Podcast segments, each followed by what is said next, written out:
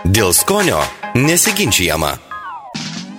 Žmogaus charakterio savybės lemia net maistas. Jei iš raciono dings mėgstamiausias produktas, net charakteris gali pasikeisti. Taigi šį kartą apie tai, ką apie jūs sako jūsų mėgstamas maistas. Saldumynus mėgsta kaprizingos ir infantilios nuolatinio aplinkinių ir artimųjų dėmesio reikalaujančios asmenybės. Jei saldumynus mėgstantys žmonės dar renkasi, kad jie būtų riebus, na pavyzdžiui, grėtininiai ledai, piragaičiai, tortai su riebiu kremu, tai dar aiškiau parodo, jog tokiai asmenybei labai trūksta artimųjų aplinkinių žmonių dėmesio, švelnumo ir meilės. Tai pasaldinti savo gyvenimą ypač mėgsta vieniši žmonės. Saldumynai jiems tarsi kompensuoja žmogiško šilumos toką. Mėgstate rūkštų maistą? Turime jums blogų žinių.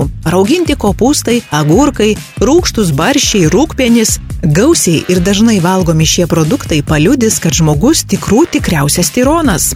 Tokia išvada neatsitiktinė, ją patvirtina daug istorinių asmenybių gyvenimų charakterių savybių. Dažniausiai tokie žmonės aplinkiniams rodo rūkščią miną, nežinia dėl ko ant visų širsta, visus laiko pavojingais ir klastingais priešais. Iš prieskonių tokiems žmonėms labiausiai patinka įvairių rūšių pipirai ir garstyčios. Vis daugėja žmonių, kurie pirmenybę savo racione teikia jūros gerybėms. Gali būti, kad juos vilioja jūros vandens skonis, produktų šviežumas. Moliuskose yra medžiagų, kurios aktyvina žmogaus organizmą, todėl šių produktų mėgėjai būna pakilios nuotaikos. Sakoma, jog toks maistas net išgydo nuo depresijos. Jūros gerybės mėgstančios asmenybės yra romantiškos, lengvai pasiduoda kelionių, nuotikių vilionėms.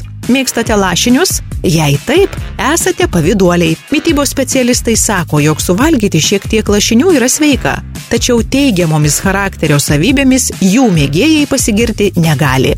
Jie griežti, valdingi, nevaldantis emocijų, o svarbiausia - dideli pavyduoliai. Pieno produktus dievinantys žmonės išskirtinio galantiškumo, mandagumo ir nuolankumo asmenybės. Tokie žmonės į aplinkinius visuomet žvelgia pagarbiai, jie skuba padėti bėdoje.